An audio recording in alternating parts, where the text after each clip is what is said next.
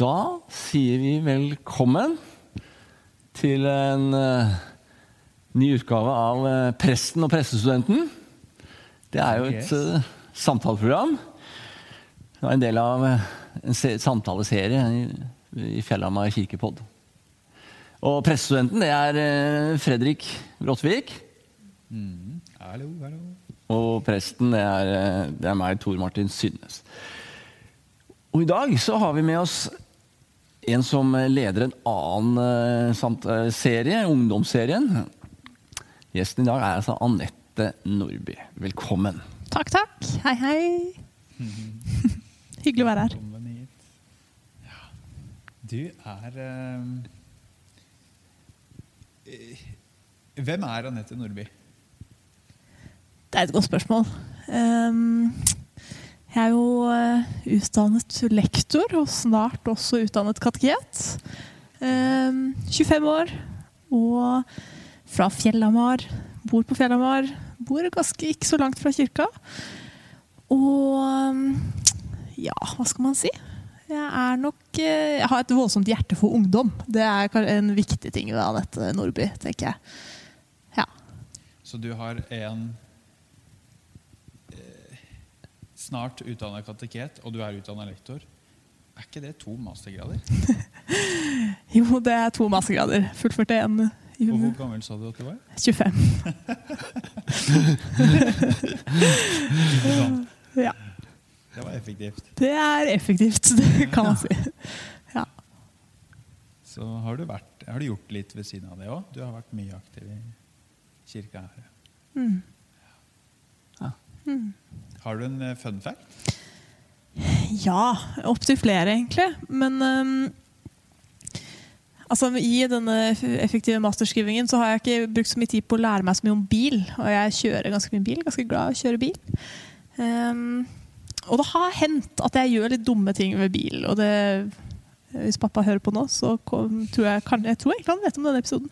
Men det var en gang jeg skulle vaske bilen, og det er jo sånn man må gjøre jeg skjønt, når man har bil. Og, hvor jeg sto med høytrykksspyler, skulle vaske bilen, kjempefornøyd med meg selv. jeg skulle vaske bilen.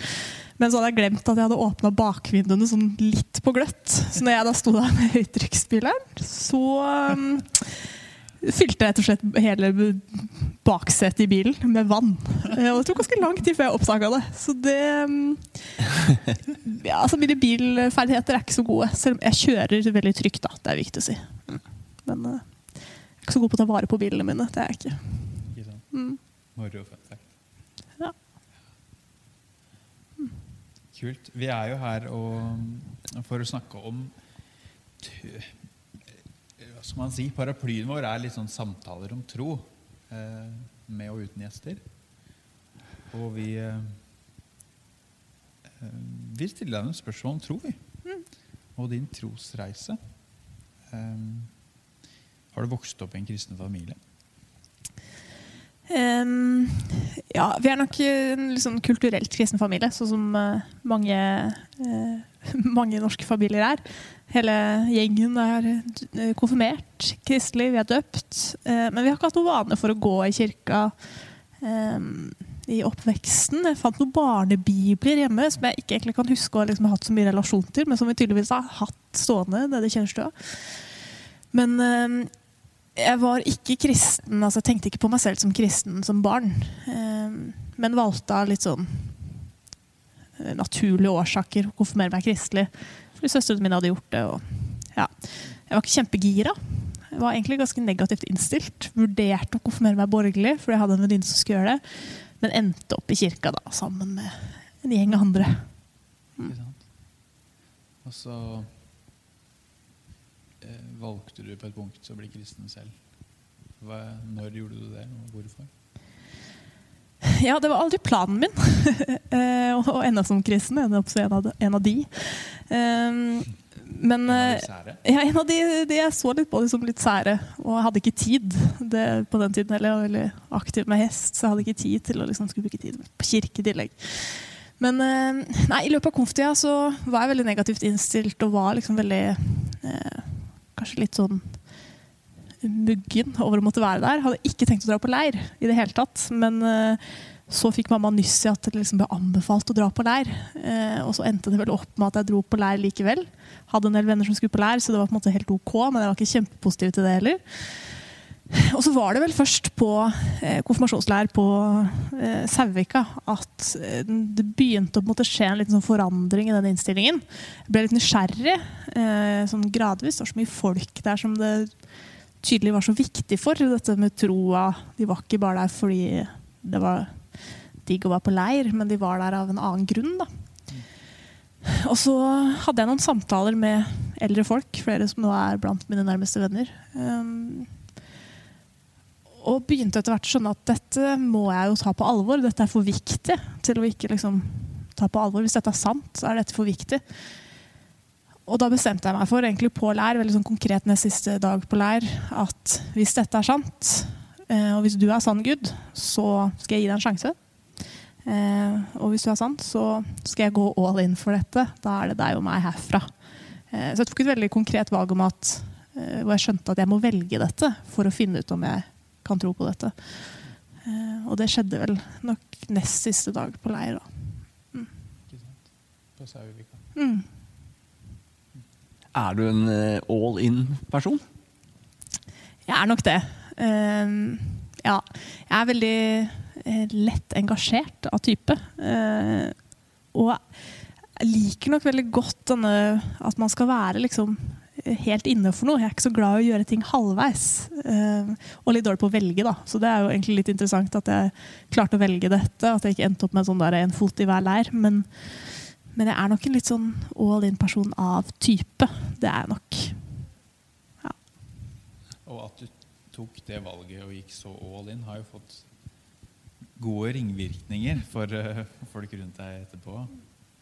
Uh, og vi ja, både Tor Martin og jeg har jo vært eh, tett på deg på ulike måter i flere år.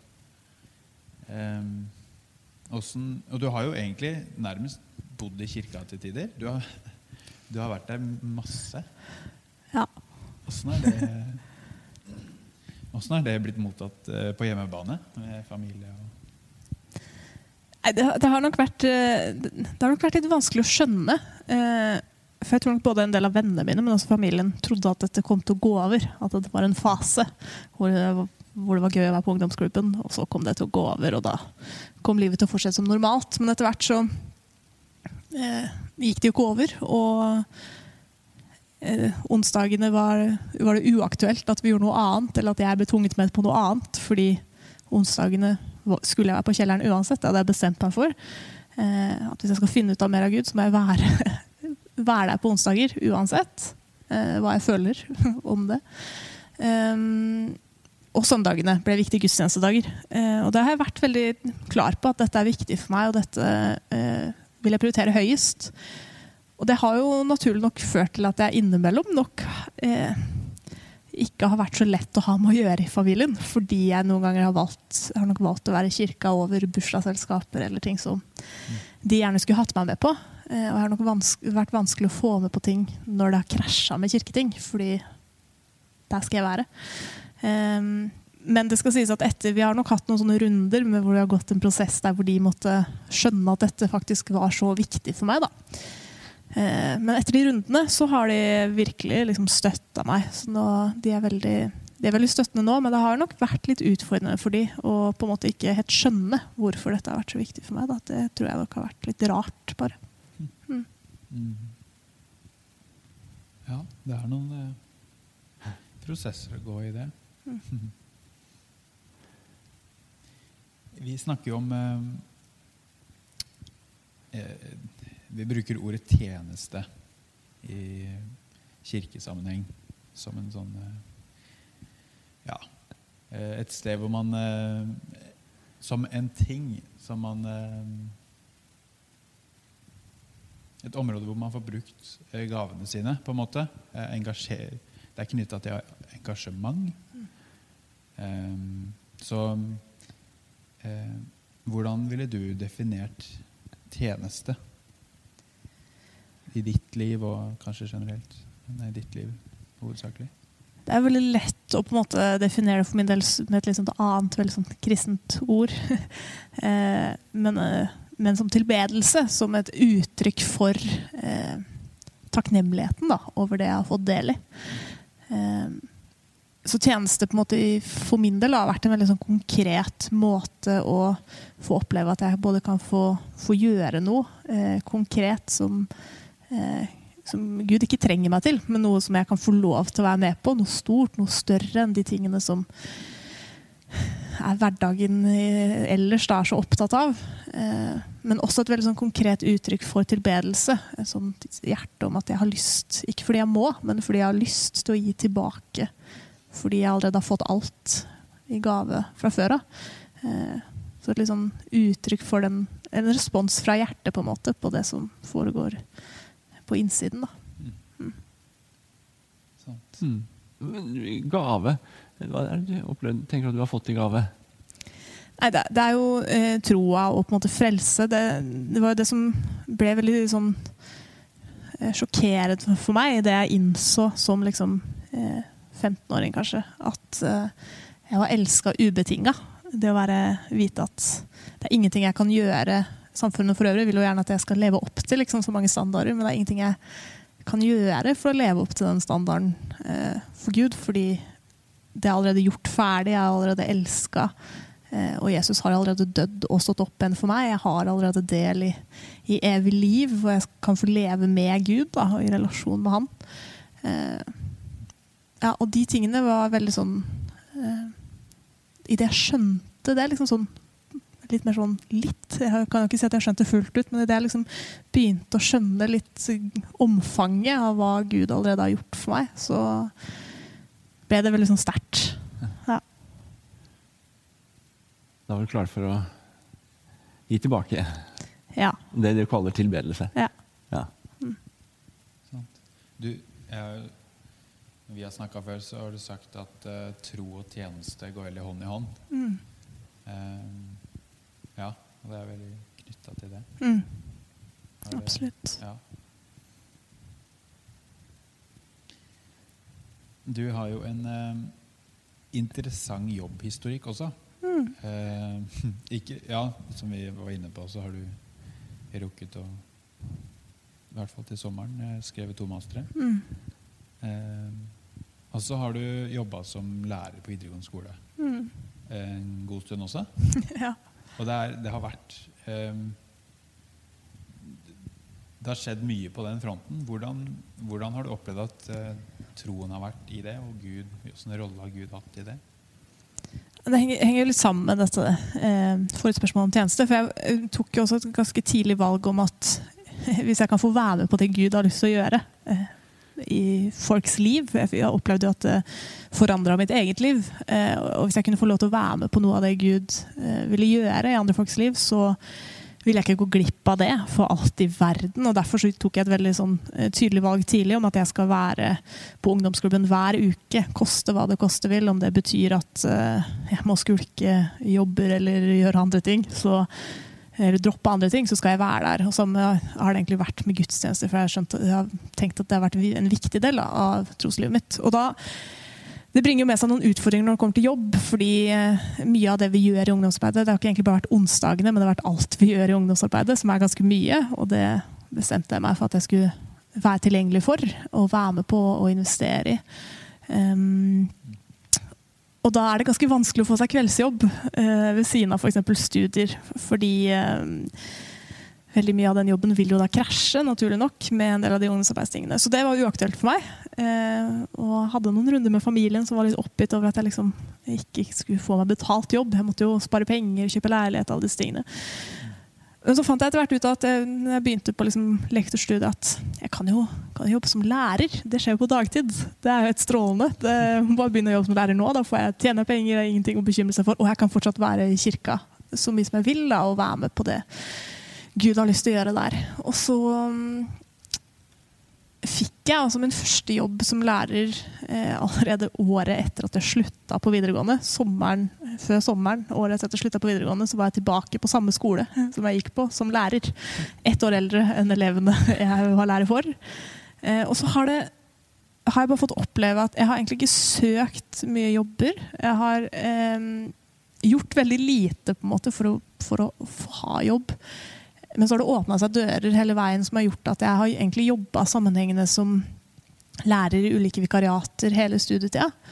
Um, og hver gang jeg var ferdig med et vikariat, så åpna det seg opp et nytt vikariat. Noen ganger på en ny skole, noen ganger på den samme skolen. Men jeg har alltid liksom blitt oppringt og spurt hei, Anette. Har du tid til å komme og jobbe hos oss de neste sju månedene? Og så har jeg tenkt ja. Wow, Gud. Dette har du lagt for deg meg atter en gang. Du er forsørger da, og sørger for at uh, jeg ikke trenger å bekymre meg for jobb. Eh, sånn at jeg kan gjøre den tjenesten jeg opplever at jeg er satt til eh, i Fjellhamar. Og det um, har vært ganske sånn uh, godt å vandre i og oppleve at Gud bare har vært så enormt måte, trofast i hele den jobbbiten, og at jeg har kunnet Det har vært veldig lett for meg på mange måter å prioritere kirke øverst. Eh, fordi Gud har lagt seg til rette på alle andre områder. Mm. Kult. Mm. Jeg, jeg, må bare si det til de som ikke ser deg, at uh, om de ikke hører at du er engasjert, så synes jeg. ja. ja, det tror jeg på, egentlig. Det er ikke vanskelig å si. Nei, det, det du er har jo hatt nokså store stillinger òg. Har det vært fulle stillinger som lærer? Ja, eh, det har vært litt opp ned. Noen og, og jeg tror det meste jeg jobba, var vel 80% samtidig. Ja. Men da studerte jeg jo 100% og hadde eh, et studie ekstra på si, i tillegg til kirka. Eh, så timeplanen min skulle ikke gå opp sånn rent eh, logisk. Og jeg har fått veldig mye spørsmål opp igjennom om sånn «Ja, Men Anette, hvordan har du 48 timer i døgnet, eller hva er det? Og jeg har ikke noe svar på det, annet enn at Gud har fått det til å gå på finurlig vis. Altså, når jeg har trengt fri fra jobb, så har jeg hatt uh, arbeidsgivere som har vært superrause med å la meg dra på leir når jeg egentlig skulle vært på jobb. Og uh, eksamener har ikke krasja med ting vi har gjort i ungdomsarbeidet. Alt har på finurlig vis lagt seg til rette, sånn at jeg kunne, uh, har kunnet gjøre det jeg har hatt lyst til i menigheten. Da. Ja. Jeg tror jeg kan skrive meg på den lista med mange mennesker og folk som har tenkt at kanskje ikke skal gjøre så mye.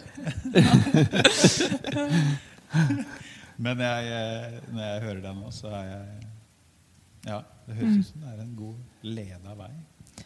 Det er det, altså. Det er, eh, det er ferdiglagte gjerninger jeg har fått gå i. Det er det ingen tvil om.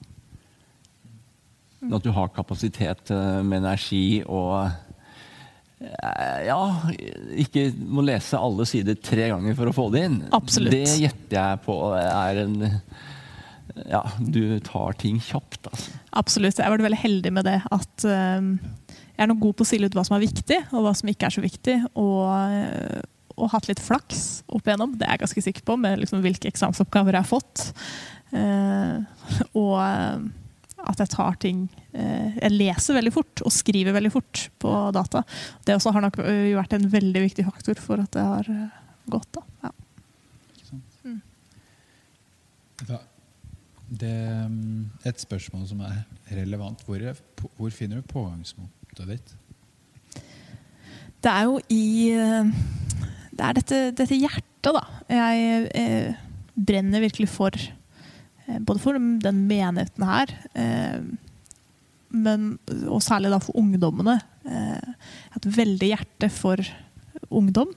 Både når det kommer til liksom, tro, men også i livet for øvrig. Jeg følger opp mye ungdom som har det tøft i livet og veldig, har et, liksom, et veldig sånn brennende hjerte for ungdom. Som i stor grad driver liksom, engasjementet mitt for både eh, jobb og, og, kirke. Men også dette, denne enorme liksom, takknemligheten over å eh, få være en del av Jeg synes Det er så deilig å tenke på at Gud ikke trenger meg, men at jeg får lov til å være en del av de tingene han gjør. Og det er liksom den største Jeg kan ikke tenke meg noe større å få være med på noe større og få bruke livet mitt på, enn å få være med på de tingene som Gud eh, har lyst til å gjøre her og nå. Eh, og det er nok der jeg henter mest eh, pågangsmot, på en måte. At det er en sånn iboende takknemlighet og en lyst etter å liksom ikke, ikke gå glipp av det Gud har for folk, og det Gud har lyst til å gjøre. Og hvis han kan bruke meg i det, så her er jeg, liksom. Bruk meg. Jeg vil ikke ikke gjøre noe annet. Så ja. Hmm.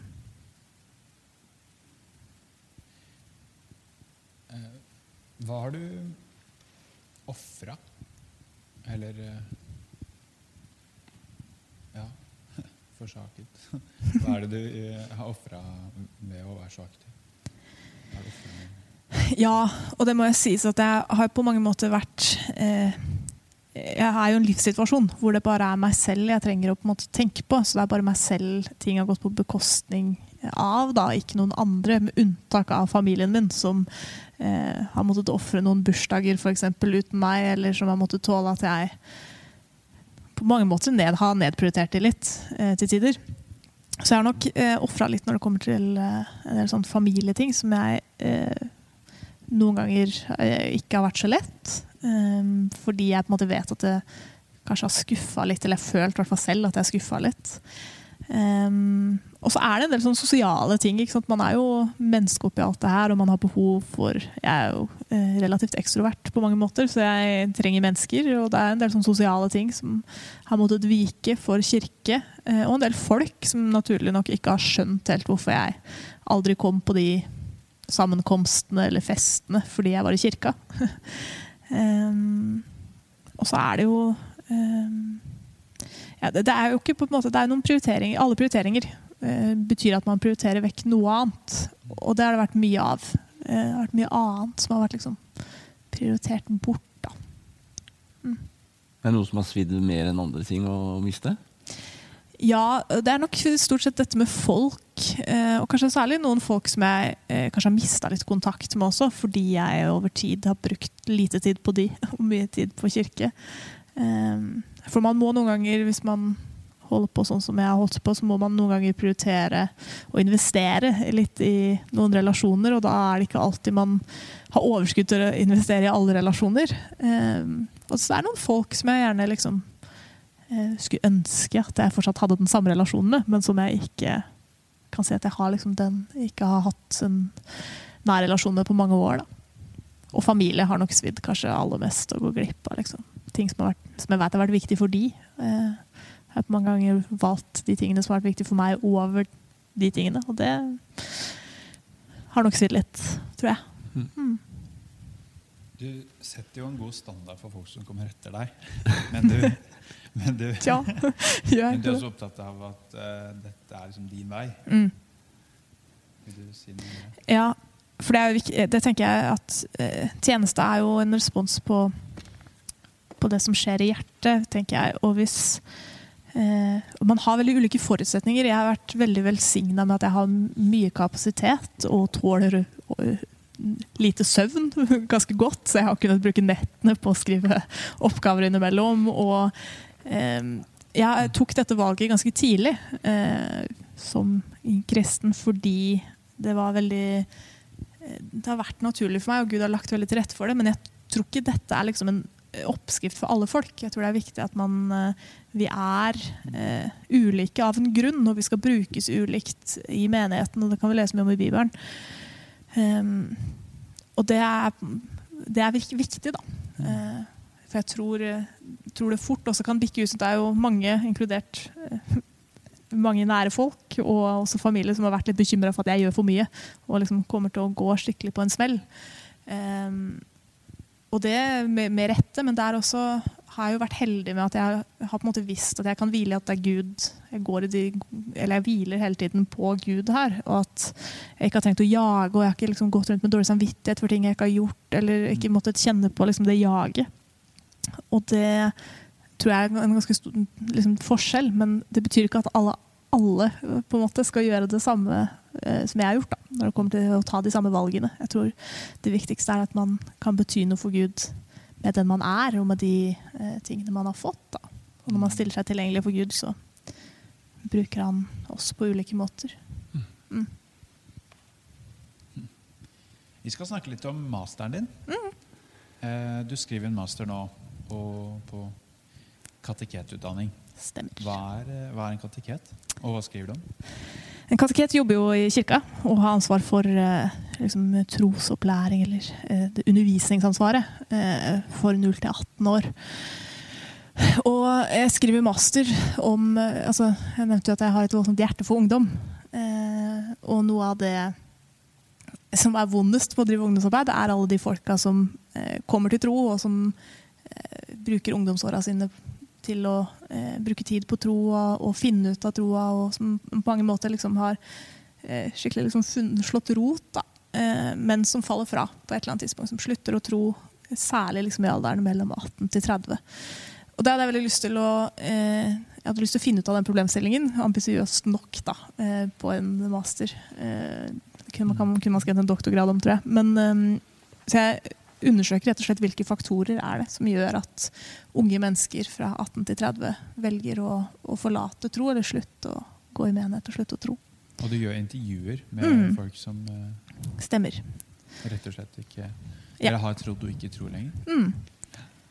Så det har vært eh, veldig, veldig spennende. Og så gjør jeg også noen teoretiske analyser av sånn ulike forskning som er gjort i Ikke så mye i Norge, det er ganske lite forskning på, i nor norsk kontekst, men uh, i amerikansk og britisk kontekst. Da. Hva finner du ut av? Og gjør du noen oppdagelser som Ja, det skal, den skal ikke leveres før 17. august.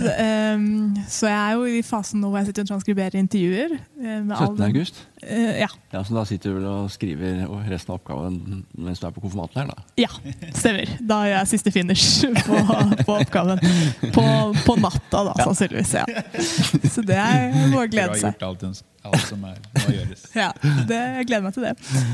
Nei, jeg, jo, jeg er jo i den fasen hvor jeg driver transkriberer og har intervjua en del folk. Um, noen av de tingene som har vært spennende kan, Det er jo farlig å begynne å anta masse før man på en måte har gjort grundige analyser. Men av det lille eh, jeg har fått oppleve hittil, og fått med meg hittil, så er det en faktor er jo den biten som handler om liksom det sosiale. At mange i stor grad har eh, brukt ungdomsklubben som et sosialt sted. Eh, og vært mye på ungdomsklubben pga. det sosiale. Når det sosiale endrer seg, så har ikke troa på en måte fått nok rot til at de eh, blir, at den endringen på en måte gjør eh, at de blir, da, og at de finner nye måter å få trospåfyll eller nye fellesskap. Eh, så det har vært en liksom gjennomgående som jeg også på mange måter hadde tenkt meg at, som jeg har sett i ungdomsarbeidet her i mange år, at eh, kan være en, en faktor.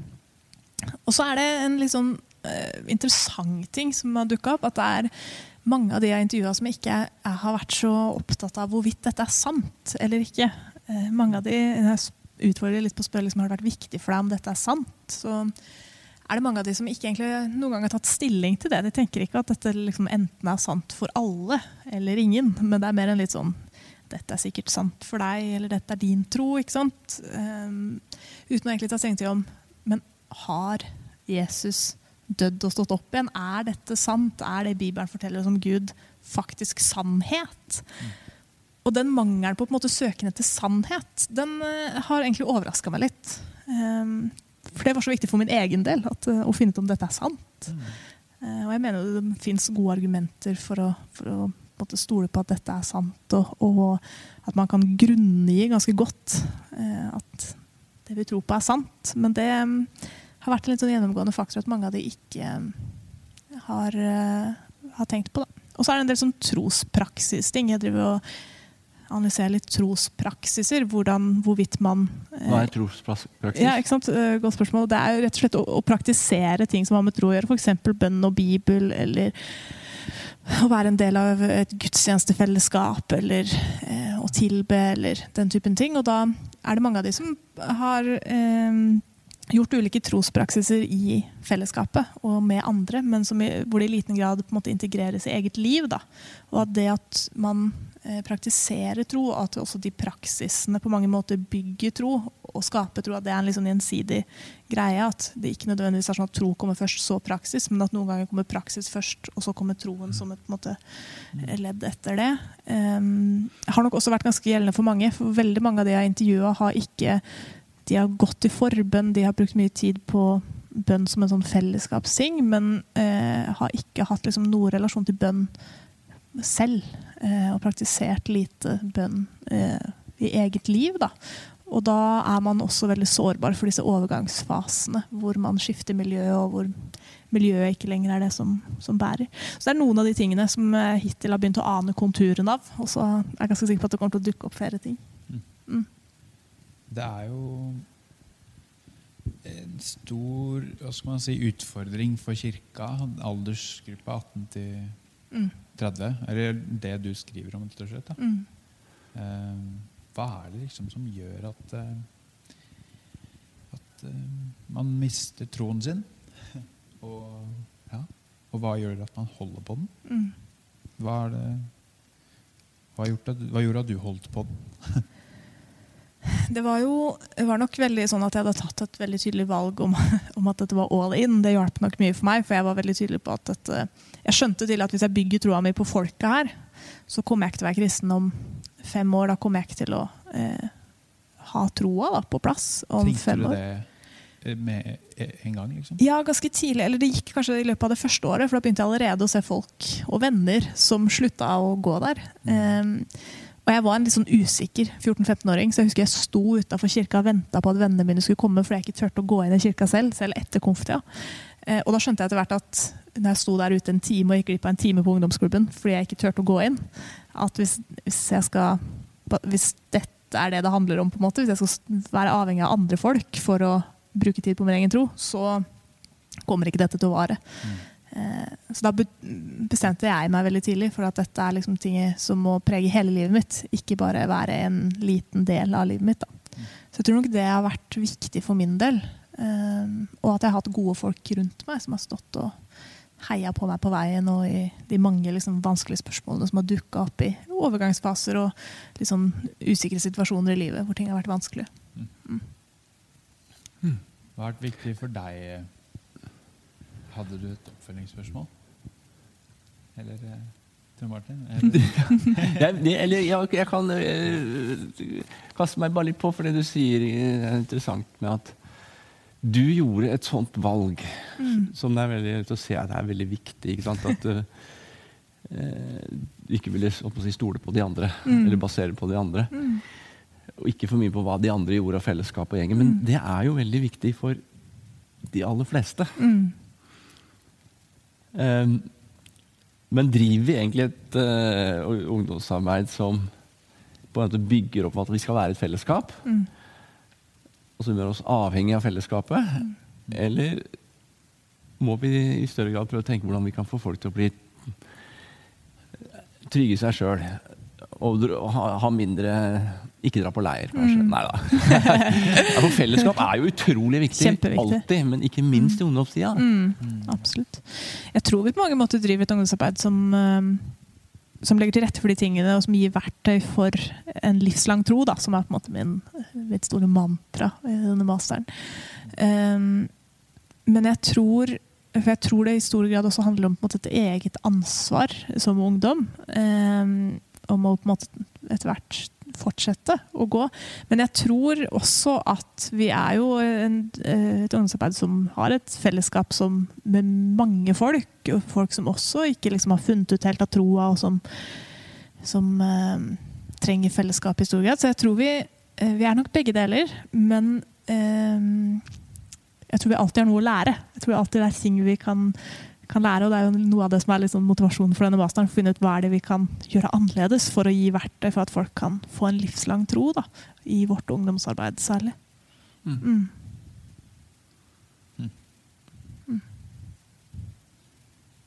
gode spørsmål.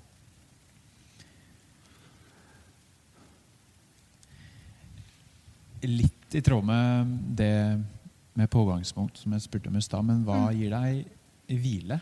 Eller hva gir deg påfyll i som et godt kristent ord, i troslivet? Ja, Det høres jo ikke ut som jeg hviler så mye.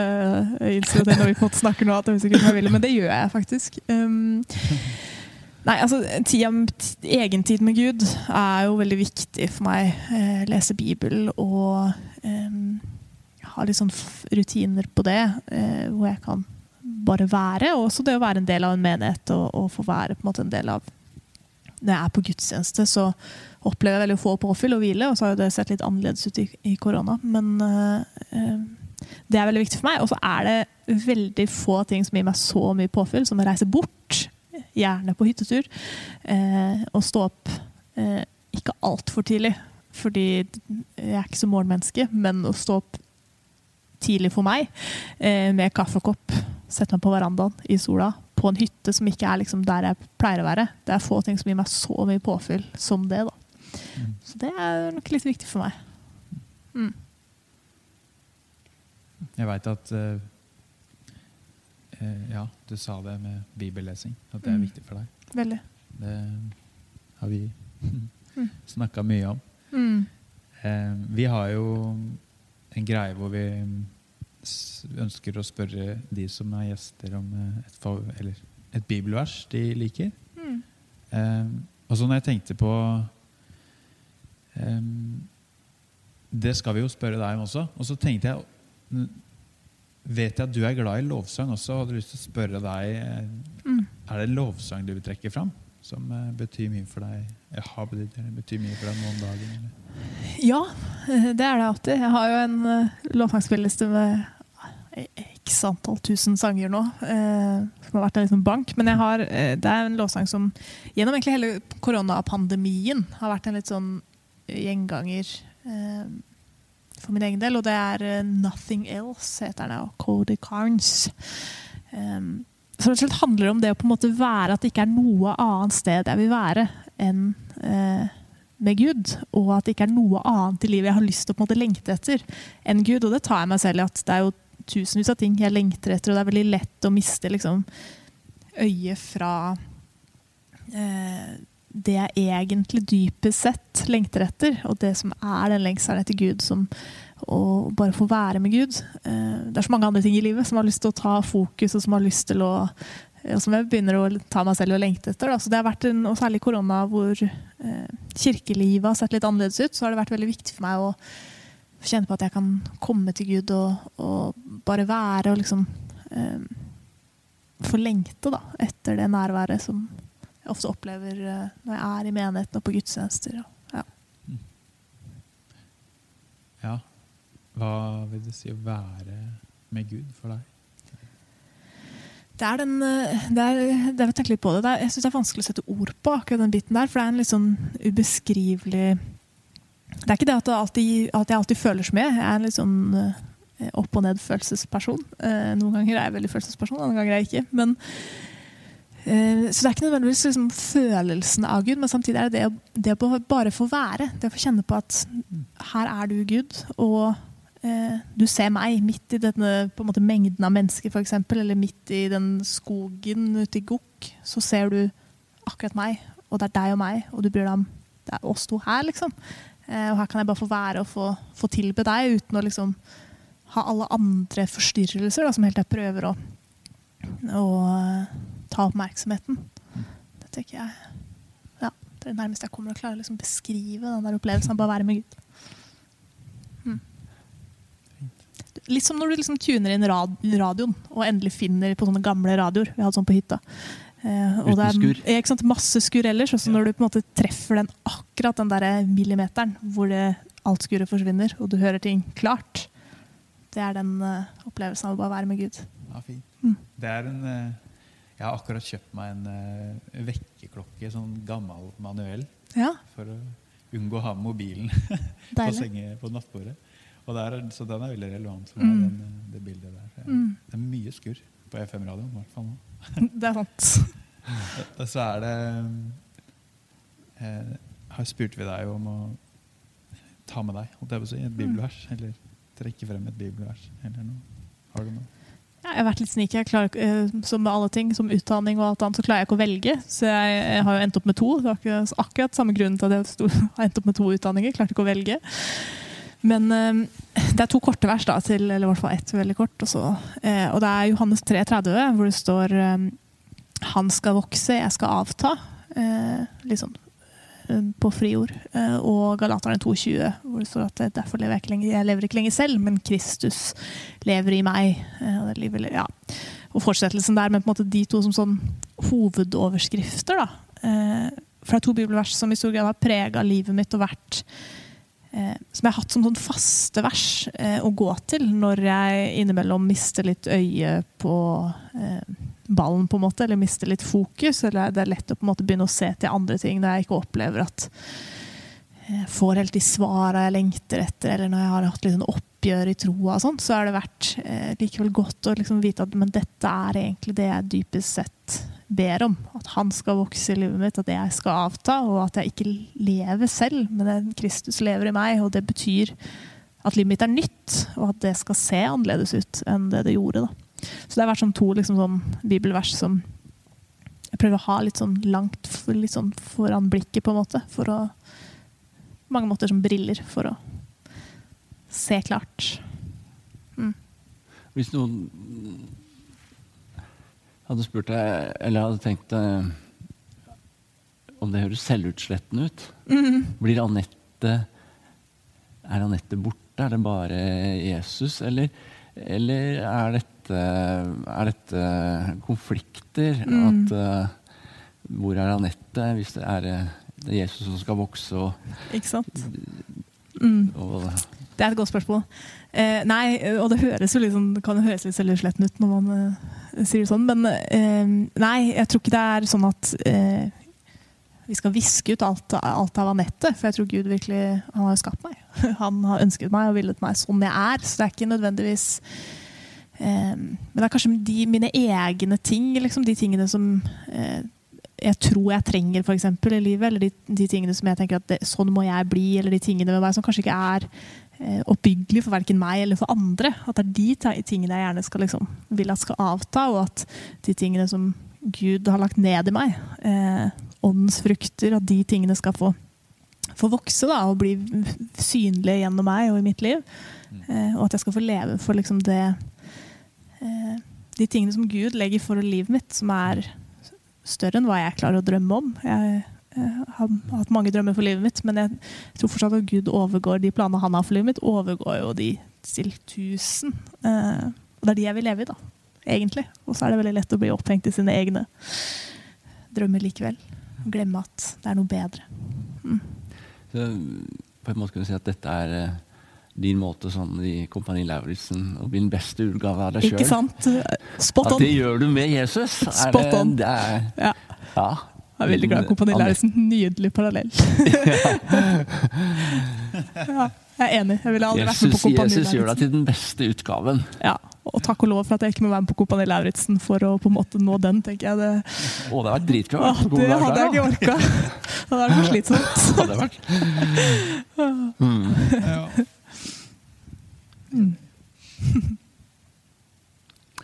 Ja, da tror jeg vi sier at eh, vi runder av denne samtalen med Anette.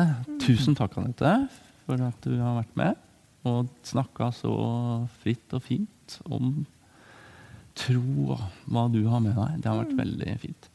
Så takk til eh, alle som har hørt på oss, fulgt med oss. Vi, presten og prestestudenten, samtaler om tro. Vi kommer tilbake. Vi kommer tilbake. Plutselig er vi der. Vi har et mål om å være her hver tredje uke, så vi får se. Men det er en fin måte å bli kjent med forskjellige folk i Fjellhamn menighet og høre tro og troshistorier. Ha det bra. Takk for i dag. Ha det bra. Ha det bra.